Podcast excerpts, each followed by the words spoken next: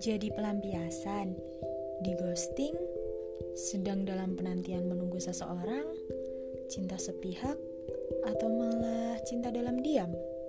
Kalian pernah gak sih ngalamin siklus percintaan seperti itu? Oke oke, kalian bisa kok dengerin di podcast ini, podcast dalam angan. Podcast ini berisi masalah-masalah yang relate dengan siklus percintaan para remaja. Gak lupa juga ditemenin sama suara si anak manusia satu ini. Jadi, jangan lupa tungguin aja ya podcast-podcastku selanjutnya.